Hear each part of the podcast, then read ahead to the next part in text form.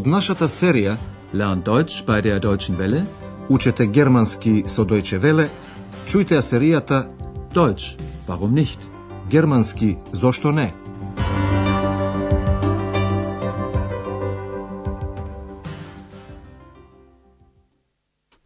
Драги слушателки и слушатели, денес ќе слушнете втората лекција од серијата 3.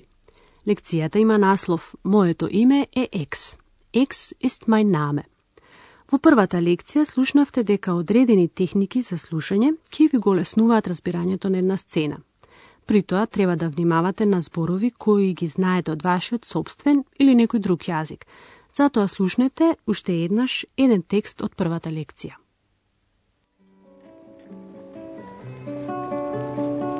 Ach, ist das schön.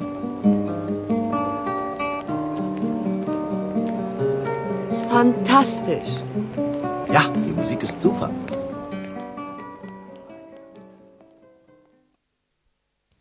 Но сега е крајно време да ви ги представиме личностите од нашиот јазичен курс. Може би ги познавате од предходните две серии, но ако не ви се познати, сега ќе ги запознаете. Слушајте а сега првата личност која ќе се представи. Концентрирајте се на прашањето. Која е? Што прави со задоволство? Also, mein Name ist Berger, Lisa Berger. Ich bin hier die Chefin, die Hotelchefin vom Hotel Europa. Sie singt sehr gern. Ja, das stimmt. Di da di da da da da da dia da dia di di da da. Alle Menschen werden Brüder. Тоа беше значи Фрау Беага, управителката на хотелот Европа. Таму, во хотелот Европа, во Ахен, се одвива действото на нашиот курс. Слушнете уште еднаш како се представува Фрау Беага. Also, mein Name ist Berger, Lisa Berger. Ich bin hier die Chefin, die Hotelchefin vom Hotel Europa. Вториот глас што го слушнавте звучи малку чудно, но тоа и прилега на Екс, така се вика оваа женска фигура од фантазијата. Екс сака да се меша во разговори, како и сега, кога рече дека Фрау Берга со задоволство пее. Sie singt sehr gern. Другите најчесто се изненадуваат од коментарите на Екс, бидејќи таа е невидлива. Слушнете сега како се представува Екс. Jeder weiß, wie ich heiß. Ex ist mein Name. Ich bin eine Dame. Man kann mich nicht sehen, das will niemand verstehen. Aber man kann mich hören, das kann jeder beschwören. Und sie kann sehr gut stören.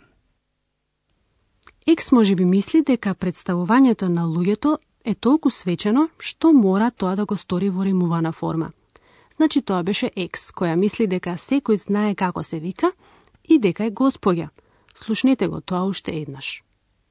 Jeder weiß, wie ich heiß. Ex ist mein Name. Ich bin eine Dame.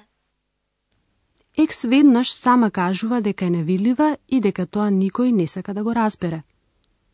Man kann mich nicht sehen. Das will niemand verstehen. Екс секако знае дека секој може да ја слушне. Таа е дури убедена дека во тоа секој може да се заколне. Beschwören. Aber man kann mich hören. Das kann jeder beschwören. Таа е во право. Една друга личност од курсот знае дури дека Екс знае многу добро да пречи. Und sie kann sehr gut stören. Тоа беше Андреас. Тој многу добро знае што зборува. Сушност, екс секогаш го придружува. Подоцна ќе разберете како дошло до тоа. Слушнете сега како се представува Андреас. Сконцентрирајте се на прашањето. Кој е Андреас? Што прави тој? Tja, also ich bin Andreas. Andreas Schäfer. Ich arbeite auch im Hotel Europa. Ich bin hier Portier. Du studierst aber auch. Na klar, Ex, das weiß ich doch. Aber nicht alle Hörerinnen und Hörer. Aber jetzt. Ich bin Andreas Schäfer, arbeite als Portier und studiere Journalistik. Gut so. Како што слушнавте и Андреас работи во хотелот Европа. Тој е портир. Ich arbeite auch im Hotel Europa. Ich bin hier Portier. Но Андреас истовремено и студира, и тоа новинарство. Слушнете уште еднаш. Ich bin Andreas Schäfer, arbeite als Portier und studiere Journalistik. Следната личност од курсот веќе нестрпливо чека да се представи. Слушнете и обидете се да одговорите на прашањето. Која е таа? Bin ich dran? Ja, Also ich heiße Hanna, Hanna Klasen. Ich bin Zimmermädchen im Hotel Europa. Ich arbeite gern hier. Es kommen so viele Menschen ins Hotel. und die sind immer so nett. Тоа беше Хана Клазен. Таа е собарка во хотелот Европа. Ich bin Zimmermädchen im Hotel Europa. Таа со задоволство работи таму, бидејќи во хотелот тоа јат многу луѓе. Ich arbeite gern hier. Es kommen so viele Menschen ins Hotel. Екс коментира дека тие луѓе се секогаш многу љубезни. Und die sind immer so nett. При тоа една друга личност од курсот мисли дека се зборува за неа. Слушнете што таа личност ќе каже за себе. Сконцентрирајте се на прашањето. Stücke doznajete wie za ta ličnost. Und die sind immer so nett. Naja, nicht immer. Aber ich, ich bin so ein Mensch. Nett und ein bisschen alt. Also ich bin Gast im Hotel Europa. Ich bin oft hier in Aachen. Normalerweise lebe ich in Berlin. Ihr Name? Wie bitte? Wie heißen Sie? Ach so, ja. Mein Name ist Türmann. Ja, das ist Herr Dr. Thürmann. Er ist ein bisschen schwerhörig. Прилично многу дознавте за хер доктор Тюерман, нели? Од првин кажува дека е гостин во хотелот Европа. Also, ich bin Gast im Hotel Europa. Поточно кажано, доктор Тюерман е постојан гостин во хотелот Европа. Тој често е во Ахен. Ich bin oft hier in Aachen. Доктор Тюерман инаку живее во Берлин. Normalerweise lebe ich in Berlin. Екс дополнува дека тој е малку наглув. Er ist ein bisschen schwerhörig. Значи, тоа се тие главните личности на јазичниот курс. Фрау Берга, управителката на хотелот, Екс, женскиот коболт, Андреас, портир и студент, Хана, собарката и хеа доктор Тюрман, постојаниот гостин во хотелот Европа. А сега, како и во предходните серии, следува граматички дел. Во првите лекции ќе повториме поважни поглавја од германската граматика. Денес ќе ги повториме правилните глаголи во презенс, сегашно време.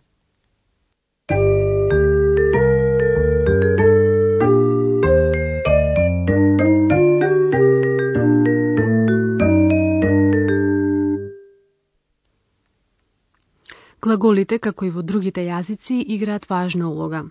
Слушнете неколку глаголи во инфинитив, значи во формата во која ќе ги најдете во лексикон. Leben. Studieren. Singen. Инфинитивот се вршува со наставката n, en. Ако ја изоставите оваа наставка, ќе остане основата на глаголот. Слушнете ги сега глаголите во инфинитив и нивните глаголски основи. Leben. Leb. Studieren. Studier. Singen. Sing. И за поединечните лица се додаваат наставки на глаголската основа. Слушнете примери за презенс во еднина. Наставката на глаголот за прво лице еднина гласи е. Е. Ich lebe. Normalerweise lebe ich in Berlin. Наставката на глаголот за второ лице еднина за пријателско обраќање гласи с т, ст. Du studierst. Du studierst aber auch. Наставката на глаголот при учтиво обраќање е иста како и кај инфинитивот, значи en, е en. Sie heißen. Wie heißen Sie? Во трето лице еднина се додава наставката т, те. Sie singt. Sie singt sehr gern.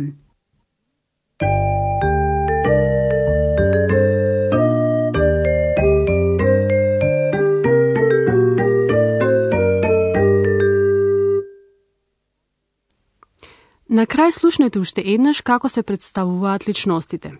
Седнете удобно и слушајте внимателно. Најпрвин ќе се представи Фрау Берга, управителката на хотелот.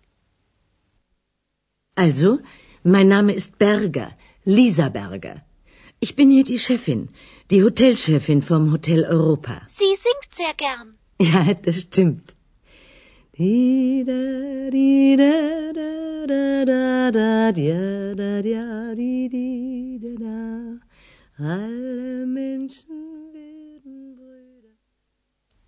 Потоа ќе се представи Екс, женскиот коболд.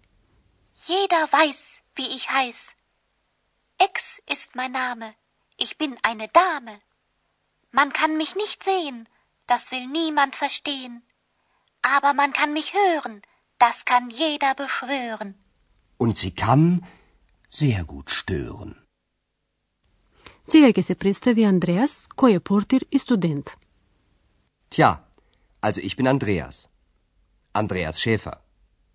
Ich arbeite auch im Hotel Europa. Ich bin hier Portier. Du studierst aber auch. Na klar, Ex, das weiß ich doch. Aber nicht alle Hörerinnen und Hörer. aber jetzt. Ich bin Andreas Schäfer, arbeite als Portier und studiere Journalistik. Gut so.